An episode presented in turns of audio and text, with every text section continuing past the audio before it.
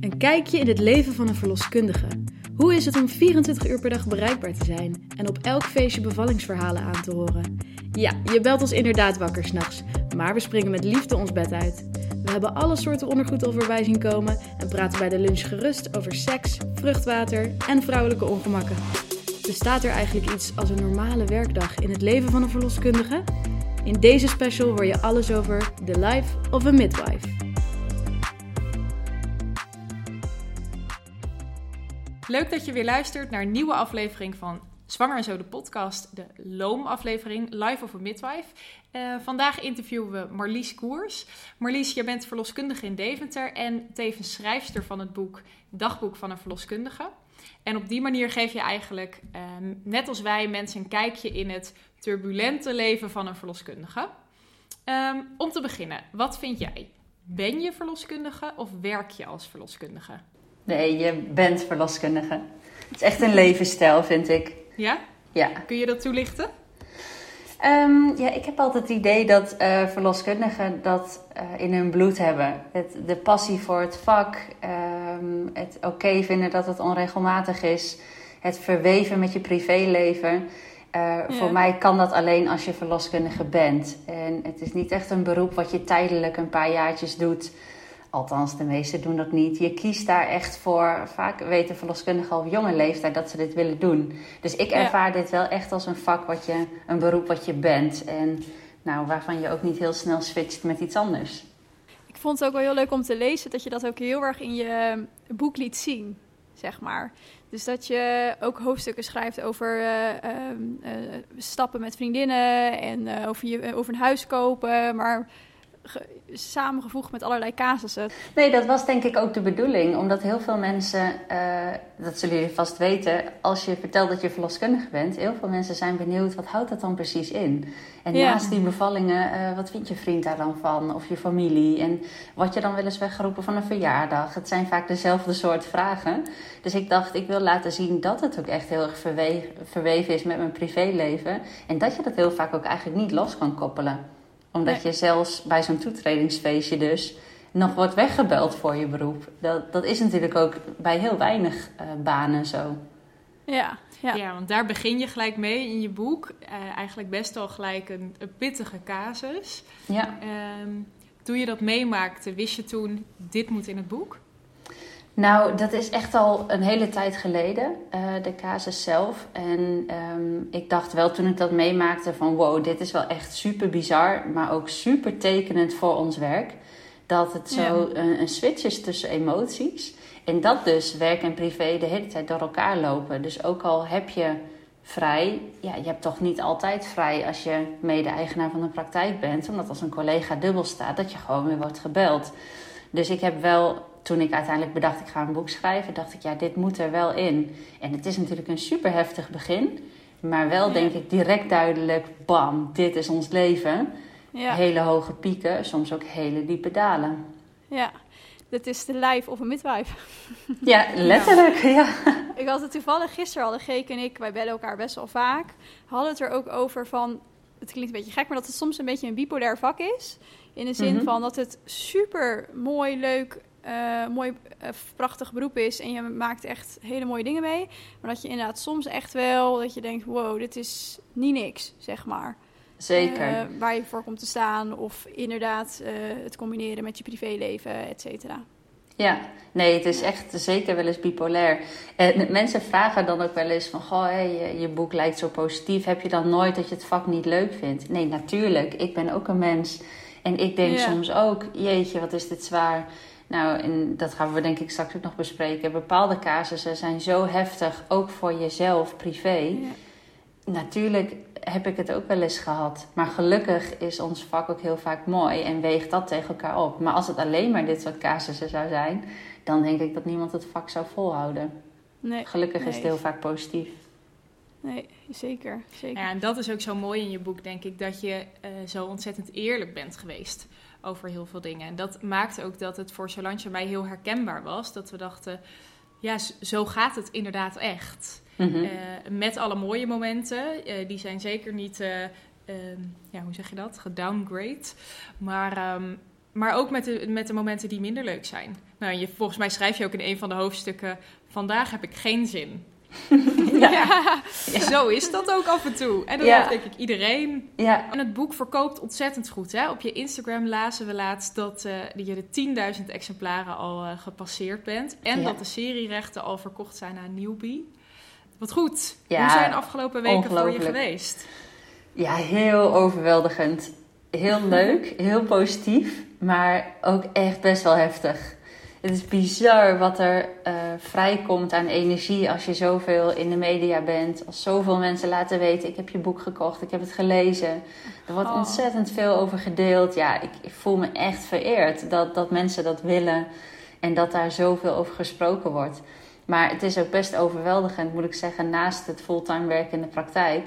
Om ja. zoveel berichtjes te krijgen en dat vind ik hartstikke leuk. Maar het is soms een beetje zoeken van, oh wow, ik wil iedereen graag aandacht geven. En mm. uh, ja, het is gewoon best intens. Ja. Ja, kan ik me voorstellen. En word je dan ook herkend in de praktijk, zeg maar? Van, oh, ben jij die verloskundige van het boek? Ja, ja, en zelfs in de stad. Dat vind ik ook oh, zoiets bizars. Ja. Oh, echt? Kijk, in de praktijk, daar weten eigenlijk alle cliënten wel dat ik het boek heb geschreven. En heel veel mensen hebben er ook één gekocht, dus dat vind ik hartstikke lief. Maar ik werd zelfs herkend in de stad. En dat mensen vragen om een handtekening, ja, dat oh, is echt? surrealistisch. dat je wordt aangesproken van, hé, hey, ben jij Marlies? Jij bent toch die schrijfster van het boek? Ik herken je aan je tas. Dat je denkt, wow, oh ja, de oh, tas van de voorkant. Ja, dat is natuurlijk echt een... Um, uniek item, zeg maar. Maar hoe bizar. Ik voel me gewoon geen BN'er. Maar mensen beginnen me te herkennen omdat ik natuurlijk veel in de media ben geweest. Ja, en dat is natuurlijk ook wel wat je um, in het boek, dus wat we net al zeiden, dat je heel erg eerlijk bent over hoe dan zo'n dag van een verloskundige eruit ziet. Um, en dus dat er heel veel positieve verhalen zijn en leuke verhalen zijn, maar soms dus ook stresssituaties of ja, spannende momenten, casussen die ja, ook met een verdrietige afloop uh, uh, zijn, of die benoem je ook. Mm-hmm. En uh, wij hebben natuurlijk ook allebei dat boek gelezen. En een van die stukjes die is ons bijgebleven. Um, en in die situatie schrijf jij over een loslatende placenta. En we dachten, laten we dat stukje eens even voorlezen. Voordat ik ga toucheren wil ik eerst de bloeddruk meten en het hartje van de baby horen. De bloeddruk is laag voor haar doen. En bij het aanraken van haar buik valt het me op hoe hard deze is. De baarmoeder is een grote, harde bal tijdens de weeën, maar nu lijkt hij wel echt van hout. Het baart me zorgen. Dit is niet hoe je een baarmoeder wilt voelen en het lukt Vonne bijna niet om stil te blijven liggen. Jimmy staat naast het bed. Hij wipt van de ene voet naar de andere. Hij pakt in een reflex de hand van Vonne en probeert haar te kalmeren. Ik doe wat gel op de doptoom en zet deze op de bolle buik. Het hartje van de baby horen we direct, maar hij klinkt niet ferm. Ik tel mee. 105 slagen per minuut. Het hartje van de baby klinkt wat trager dan ik zou verwachten. Misschien vindt hij het niet leuk als je op je rug ligt, zeg ik tegen Vonne. We besluiten om eerst te kijken hoeveel centimeter de baarmoedermond geopend is, voordat zij weer van positie kan veranderen. Ik doe toucheergel op mijn handschoenen en ga voorzichtig naar binnen. Mijn vingers stuiten direct op een grote vochtblaas en ik spreid mijn vingers in een peace-teken. Ik draai mijn pols 180 graden om om beter te kunnen voelen. Volledig ontsluiting, zeg ik. Ik voel geen ontsluitingsring meer. Direct op dat moment wordt de druk op de vliezen te groot en ze knappen tegen mijn vingers. Een golfje vruchtwater loopt over mijn rechterhand en ik houd mijn vingers even op dezelfde plek. Ik voel dat het babyhoofdje wat tegen mijn hand begint te duwen. En dan slaat de schrik me om het hart als ik naar mijn hand blijf kijken. Grote golven helder rood bloedverlies en proppen gestold bloed ter grootte van een citroen flubberen naar buiten. Het stopt niet meer. Dit is niet goed, zeg ik direct. Vonne raakt steeds meer in haar eigen wereld. Ze is afwezig, maait met haar handen, maar lijkt niet aanspreekbaar. Ze ademt ineens met gierende teugen en haar borstkast gaat steeds meer op en neer. De grote, zwangere buik staat in een punt naar voren. In korte taal vertel ik Jimmy wat ik denk dat er aan de hand is. Het lijkt erop dat de placenta loslaat. De baby krijgt dan weinig zuurstof.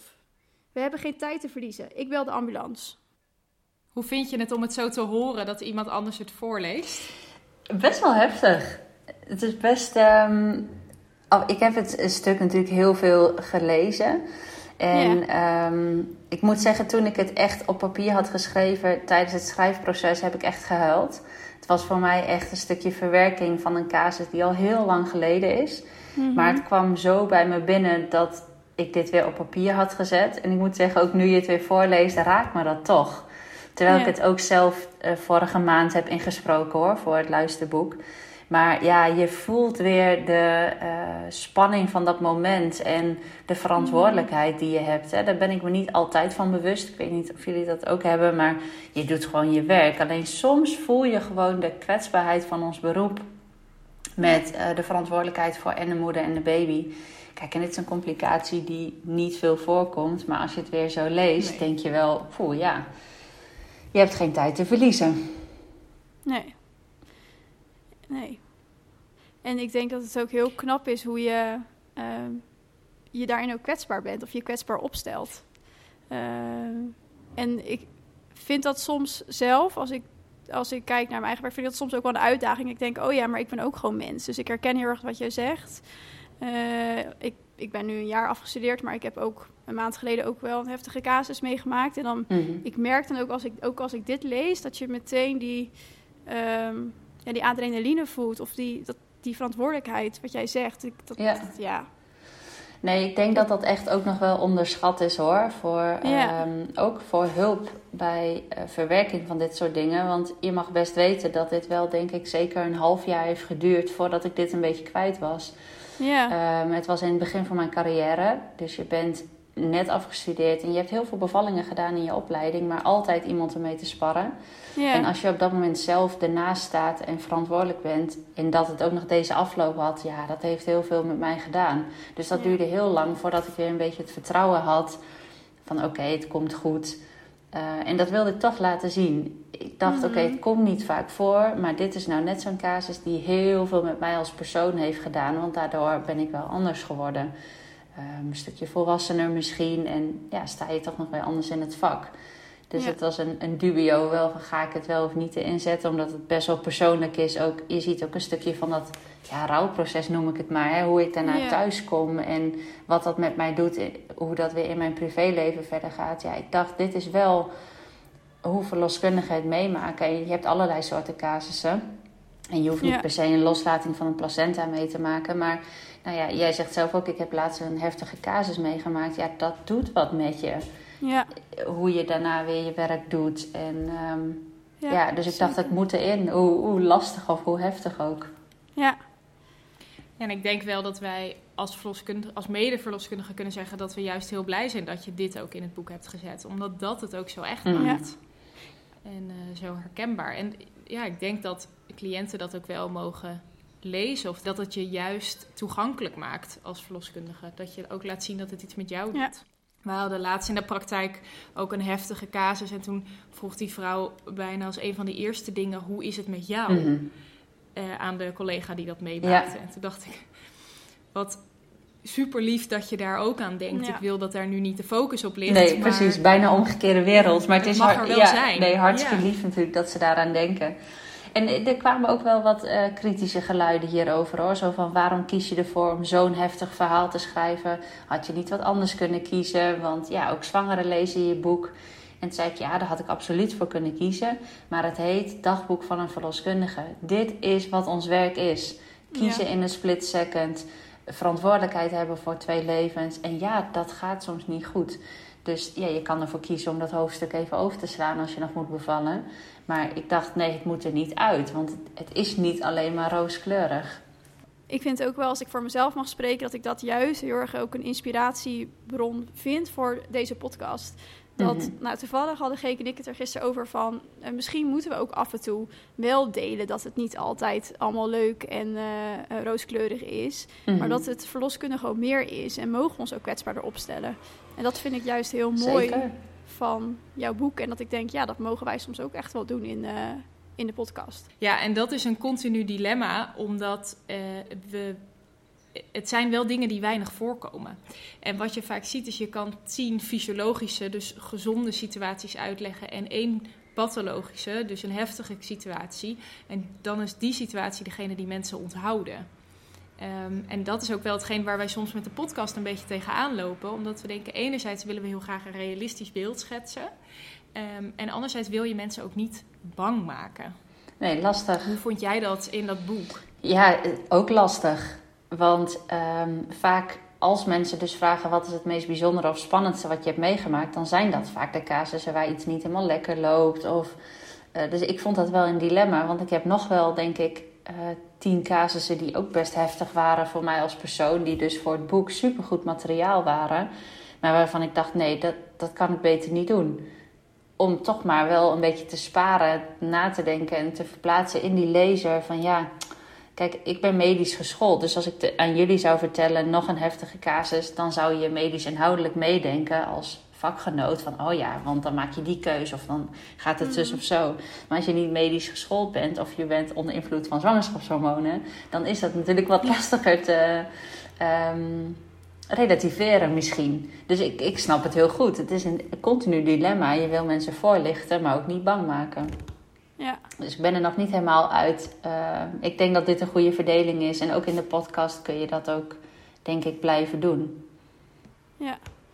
En dat is wat jij net zegt ook over uh, um, met professionals of met collega's overleggen. Hè? Verloskundigen die hebben vaak wel een sterke mening. Daar gaat onze vorige podcast hebben het over gehad. Mm -hmm. En jij zei al net, nou, ik kreeg wel reacties uit verschillende hoeken. Heb je nou veel gehoord van collega-verloskundigen over beleid of bepaald handelen van jezelf?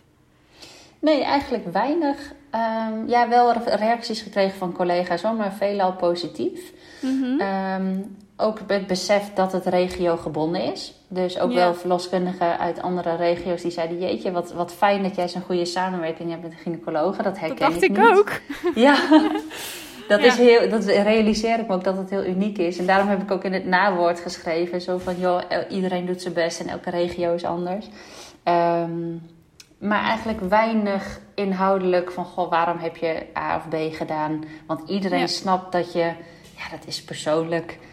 Um, dus nee, ja, vooral positief. En ik vond het heel grappig. Er was een, een recensie van het vakblad voor verpleegkundigen. Die hadden mijn boek gelezen. Ja. En die hadden iets opgeschreven van, nou, mooi boek, maar ze maakt wel heel veel mee. En toen dacht ik, uh, ja, maar dit is niet verzonnen. N niks is verzonnen. Ik heb alles meegemaakt. Ja, misschien in een iets, iets ruimere tijd dan een jaar waarin het boek zich afspeelt. Maar mensen geloven soms niet dat je dit dus letterlijk meemaakt. Ja. En toen dacht ik, ja, maar dit ja. maak ik wel mee. Ja, ja. zeker. Want heb je er vooraf over nagedacht? Van oké, okay, ik ga een boek schrijven en ik ga daarin uh, beschrijven hoe ik handel. Dus wat ik doe. Want soms staat het best wel gedetailleerd beschreven wat je doet. En um, dat vinden wij denk ik als verloskundige heel leuk om te lezen. Omdat dat het des te herkenbaarder maakt. Mm -hmm. Maar een cliënt zal ook vooral lezen. Oh ja, dat doet ze dus om die en die reden. Mm -hmm. um, en je deelt soms ook wel eens wat je ergens van vindt. Mm -hmm. Bijvoorbeeld over die gender reveal party waar je nul zin in hebt. Um, hoe vond je dat om je zo eerlijk en misschien ook wel kwetsbaar op te stellen in het boek? Um, op zich prima. Ik denk dat ik um, heb geprobeerd heel respectvol te zijn over alles. En ik heb helemaal niks tegen gender reveal parties hoor. Maar het was meer in de context als je net wat hebt meegemaakt. Ja. Uh, dat was letterlijk in die week. En dat vond ik gewoon heel zwaar en voelde dat heel dubbel. Maar verder uh, heb ik da daar natuurlijk niks tegen. En ja, dat ik beschrijf hoe ik werk ja, ik dacht, dit is gewoon hoe ik het doe. En um, ik wil daar best het gesprek over aangaan met iemand als iemand daar wat van vindt. Maar ik heb daar niks over gehoord. Ik denk omdat heel veel verloskundigen stuurden van... jeetje, wat leuk dat er eindelijk een boek is die ik aan mijn familie kan laten lezen. Dit is hoe ons werken nou echt uitziet. Dus um, nee, ik was daar niet echt bang voor me kwetsbaar op te stellen. Mooi. Ja, is mooi om te lezen. Ik denk dat dat iets is wat wij in de podcast nogal iets meer los mogen laten dat je inderdaad, uh, nou, dat het prima is als mensen er iets van vinden, dat je daar dan het gesprek over aan kan. Ja. Weet je wat ik ooit eens heb gehoord van iemand die zei: Je kan uh, nog zo'n rijpe, sappige persik zijn die lekker smaakt. Er zal altijd iemand op de wereld zijn die niet van een lekkere persik houdt. En dat probeer ik in mijn achterhoofd te houden. Wat ik ook doe, uh, misschien al vindt 90 of 98 procent het leuk. Er zullen altijd mensen zijn die zeggen: Nou, handel jij zo? Of schrijf je zo? Of uh, ik vind het niet zo leuk. Of ik vind het niet zo fijn. Dan denk ik: Oké, okay, het is lastig, maar ik probeer steeds meer los te laten. Zoveel mensen, zoveel wensen. Dus ook ja. zoveel meningen. Je kan het niet voor iedereen goed doen. Nee. Nee, dat is Zeker ook zo. waar. Zeker waar. En dat wat je zegt van, uh, oh, dan kan ik dit boek aan mijn vrienden en familie laten zien. Dat is ook exact wat ik dacht. Van, oh, nu, sommige dingen zijn gewoon niet uit te leggen, voor mijn gevoel mhm. dan. Maar op de manier waarop jij het in het boek hebt gezet en door gewoon het hele boek te lezen, krijg je wel een heel compleet beeld van wat ons vak nou precies inhoudt. Ja. Ehm, en Sol zei het al eventjes aan het begin, juist die persoonlijke stukjes zijn ook zo leuk. Dus ik dacht ook, ehm, mijn vriend moet dit boek lezen. Want uh, dan snapt hij hoe of wat en waarom ik er soms doorheen zit na nachtdienst. Of uh, uh, ja, dat. En dat was ook vooral in het stukje wat je helemaal een beetje aan het eind van het boek beschrijft over de kerstboodschappen. Mhm. Ehm, en dat is een stukje wat ik ook nog graag even voor zou willen lezen. Want je vertelt hoe jullie uh, samen de kerstboodschap aan het doen zijn tijdens je dienst en uh, dat je op dat moment wordt weggebeld. En juist dat onregelmatige en onvoorspelbare van ons leven komt daarin uh, heel erg naar voren. Even het stukje opzoeken hoor. Als we na een uur bijna klaar zijn met winkelen en we met een gênant volle boodschappenkar voor het diepvriesvak staan, gaat de diensttelefoon. Het is Chantal, ruim 40 weken zwanger van haar eerste kindje. Haar weeën zijn anderhalf uur geleden begonnen en ze komen nu om de drie minuten. Tijdens het gesprek krijgt ze een wee, dus ik wacht geduldig af en luister naar haar gepuf. Het klinkt serieus. Na een minuut kan ze weer met me praten. Nadat ik heb opgehangen, kijk ik Martan aan. Ik moet gaan, iemand met weeën, zeg ik. Hij zucht. Kun je niet nog even helpen? We zijn bijna klaar. Even de boodschappen afrekenen en thuis alles uitpakken. Ik voel me een beetje schuldig, maar schud zachtjes met mijn hoofd. Sorry, ik moet echt gaan. Je redt je wel, toch? Kies maar iets van uh, Vianetta of zo, probeer ik als grapje. Het gezicht van Martan staat op onweer.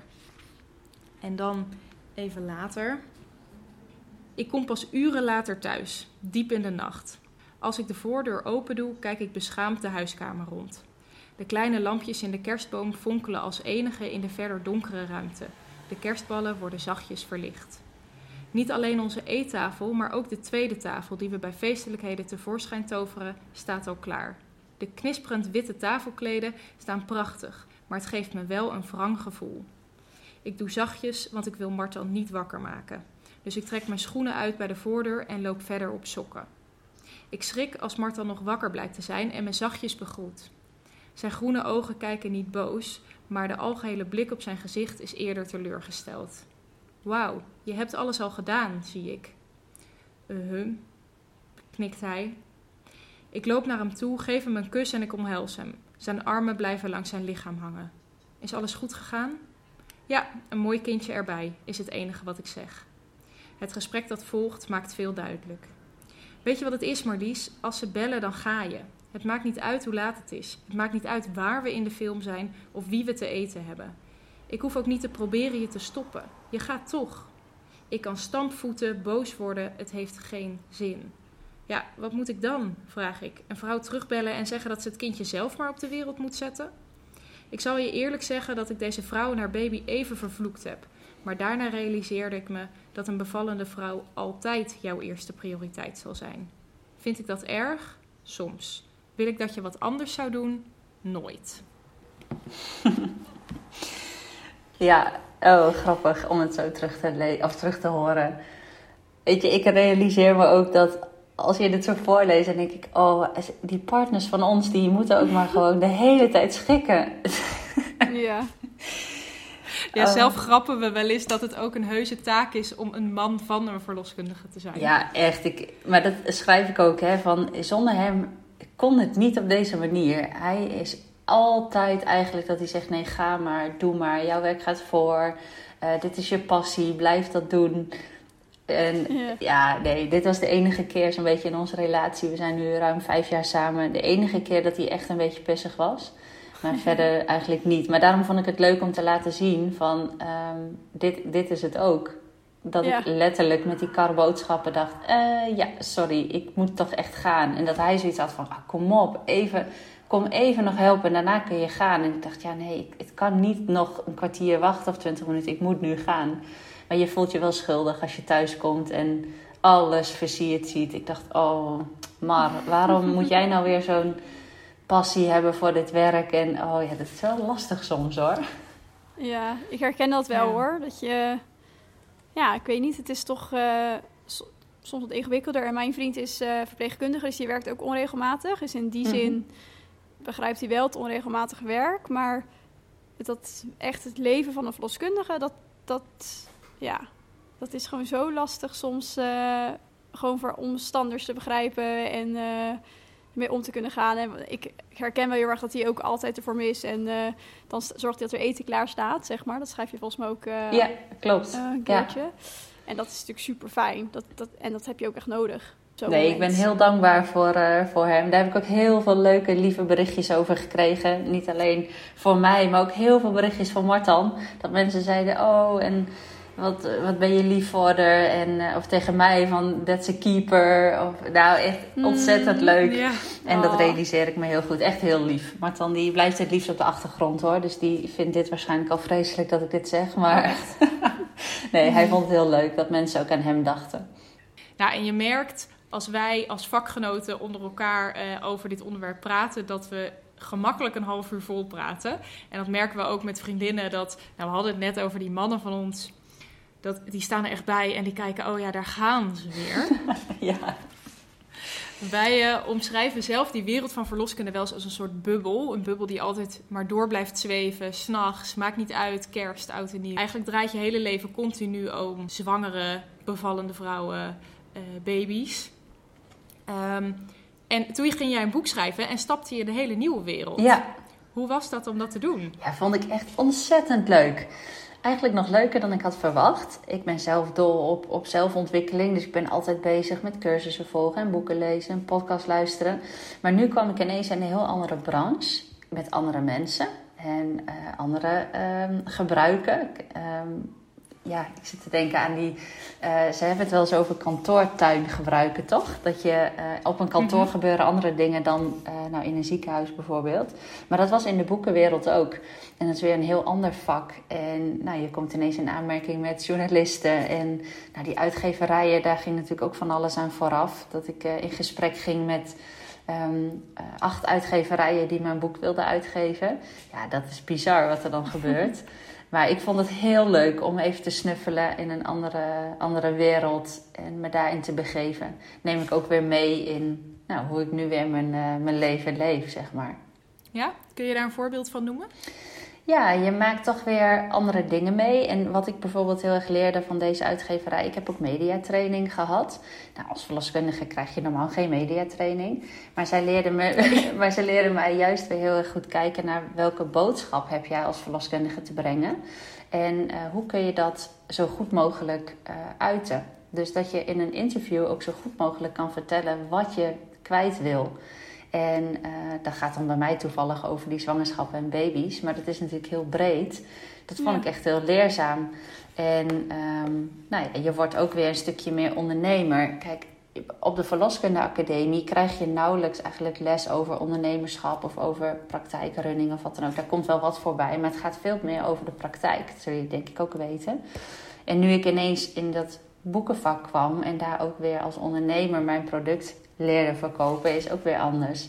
Ja, ik vond het wel heel leuk eigenlijk. Dat pas ik weer toe nu in hoe ik op mijn Instagram bijvoorbeeld vertel over mijn boek of wat ik meemaak. En dat allemaal draait weer om dat ene grote verhaal, zeg maar. Ja, leuk. En je bent ook heel actief op de Instagram, hè? Daar deel je ook veel eh, als je diensten hebt en eh, Ja. wat je meemaakt en telefoontjes. En, eh, Ja. Ja, vind ik heel erg leuk. Eigenlijk in het verlengde van Dagboek van een Verloskundige. Maar eigenlijk wat jullie ook doen. Omdat mensen het super leuk vinden om te horen wat je meemaakt en eh, wat je allemaal doet. Dus dat vind ik leuk om te doen. En de ene dag gaat het beter dan de andere dag. Soms heb je zo'n drukke dienst dat je bijna niet eraan toe komt om even wat te posten. En ik krijg denk ik wel eh, tussen de, nou, ik denk 100 en 200 berichten per dag. Dus ik kan gewoon echt niet de hele dag tijdens mijn dienst. Jee, eh, Dat is veel. Ja, is echt heel veel. Super gezellig hoor, daar niet van. Maar dus ik moet een beetje kijken als ik een hele drukke dienst heb. Dan is er wat minder interactie. En als ik het wat rustiger heb, probeer ik ook een thema wat meer uit te diepen. Want dat Ja. vind ik, zie ik ook echt wel een beetje als een taak van ons als verloskundigen. om ook soms een stukje taboe doorbrekend te zijn. En wel mhm. thema's aan te stippen waarvan ik merk: hé, hey, ik krijg hier veel privévragen over, maar dit zie ik niet terugkomen ehm, in grotere webinars of in tijdschriften. Ja. En dat vind ik leuk om te doen. En daar probeer ik mijn stem voor te gebruiken om af en toe wel thema's aan te stippen die, uh, nou, wat mij betreft, nog weer aandacht behoeven, zeg maar. Ja, en informatie te delen. Leuk. Ja. En je merkt dat zwangeren ook ehm, en andere mensen het heel leuk vinden om die dingen inderdaad te volgen. Dat merken wij al op onze Instagram. Nou ja, bij ons gaat het niet om 100 tot 200 berichten per dag, maar we zijn net iets meer begonnen met die live of a midwife dingen delen. En ehm, nou, ik had een foto in mijn auto gedeeld dat ik een dame had overgedragen met een pijnstillingswens. Mhm. En ik kreeg daar gelijk al vijf vragen van mensen op van... Uh, oh, draag je dan altijd over? Wordt het dan medisch met een, uh, met een bevalling pijnstilling? En toen dacht ik, oh wat, wat fijn dat je aan mij via Instagram zo laagdrempelig je vraag durft te stellen. Ja, ja, dat vind ik echt zo gaaf aan deze generatie. En dat zou ik graag nog veel meer willen uitbreiden. Omdat ik toch merk dat mensen er heel erg van kunnen genieten om zo laagdrempelig dus vragen te stellen. En zelf ook weer kennis vergaren. En dat is met zwangeren zo, maar ook met mensen die al jaren geleden bevallen zijn. En nu terugkomen op hun eigen bevallingservaring. Ik had bijvoorbeeld vorige week gedeeld, uh, naar aanleiding van een artikel in Trouw. Ik weet niet of jullie dit hadden gezien. Ja. Het ging er dan over dat... Ja, had ik gezien, ook je bericht. Ja, nou, een bevallende vrouw voelt zich genegeerd. Dat, dat was de kop. En dat raakte me zo enorm, omdat ik, dat stuk ging over uh, nou, dat bevallende vrouwen zich genegeerd voelen in de verloskamer, dat ze worden gedenigreerd of dat er nou, best wel uh, harde dingen worden gezegd of dat hulpverleners helemaal niet aardig zijn. En dat raakte me, omdat ik dacht, jeetje, we zijn zo hard bezig met z'n allen om echt die cliënt centraal te zetten. En we zetten ons dag en nacht in voor goede zorg. En het enige wat de hele tijd in de media is, is hoe slechte geboortezorg is of hoe hard de, de zorgverleners zelf zijn. Ja, dat, dat vind ik jammer. Maar als ik dan zo'n berichtje op Instagram zet waarom mij dat raakt en uh, wat dat met mensen doet, dan komt daar dus weer een soort van nieuwe discussie uh, of gesprek op gang. En dat vind ik gaaf. Mm. Dat mensen tien jaar na dato ineens delen van wow, dit bericht ja, brengt wat uh, bij mij naar boven. En die delen daar dan weer over. Ja, dat vind ik gaaf. Ik hoop dat we dat nog op veel grotere schaal kunnen doen om dat positief te, te benoemen. Omdat ik heel erg zie dat een bevalling zoveel effect heeft op een vrouw. Op haar ontwikkeling, op hoe ze in het leven staat. Dat vond ik ook wel mooi. Ik heb even de reacties gelezen onder het artikel van Trouw, wat ze zeg maar ook op Facebook hadden geplaatst. Mhm. En dan hoor je inderdaad het negatieve geluid. Maar als je goed leest, dan hoor je ook het positieve geluid. En dan, dan zie je ook mensen vertellen: Ik was heel blij met mijn verloskundige, want ze bleef erbij. Of want ze was mijn steun en toeverlaat. Of ze deed dit of dit wel en dit en dit niet. Ehm, en in die zin inspireerde het artikel mij ook wel, omdat ik dacht: oh, dit is dus wat vrouwen ook belangrijk vinden. En je probeert dat altijd wel aan te voelen en uh, je beste beentje voor te zetten. Maar het is fijn om dat af en toe te lezen. Dat ik denk, oh, dat kun je dus echt voor iemand betekenen. Ja, gaaf is dat. Vandaag nog op de Instagram uh, reageerde iemand van... ja, ik, ik hoor zo vaak van mensen dat de verloskundige echt je steun en toeverlaten is bij een bevalling. En daarvoor, daarom heb ik zoveel respect voor jullie vak. En toen dacht oh, ik, één, wat top dat je dat vindt. Ja. ja. En twee, wat lief dat je dat ook met ons deelt. Ja, dat is toch echt super. Dat gun je iedereen. Maar ik ben het helemaal met je eens. Het is ook belangrijk als dat niet zo is en dat die verhalen gehoord ja, zeker. Dus laten we daar vooral lekker over blijven kletsen. Jullie uh, in de podcast. En door. hier kunnen we uren over doorgaan. Ja, echt hè. Hey, ik had nog even een laatste vraag over uh, meer waar wij ook wel eens tegenaan lopen. Want wij vertellen ook wel eens casussen natuurlijk in de podcast. Um, dat je natuurlijk onwijs veel verhalen hebben, uh, maar dat je soms die verhalen niet kan delen omdat je toch met beroepsgeheim zit. Of de impact die misschien een situatie op uh, de cliënt zelf heeft gemaakt of op jou zelf. Hoe ben jij omgegaan met die privacy in je boek? Nou, privacy was voor mij super belangrijk. Dat was een van de grootste dingen wat ik wilde respecteren. Dat moet ook, want we hebben natuurlijk dat beroepsgeheim. Dus wat ik heb gedaan is eigenlijk alles mixen. Uh, dus als je een verhaal leest, is het gebaseerd op minimaal drie, vier, vijf mensen Dus ehm, de uiterlijke kenmerken van mevrouw A met een stukje van een bevalling van mevrouw B en het eindigt met de bevalling van mevrouw C. Ehm, het is niet letterlijk, uh, zeg maar, dat wat je in het boek leest, is natuurlijk niet zo gebeurd.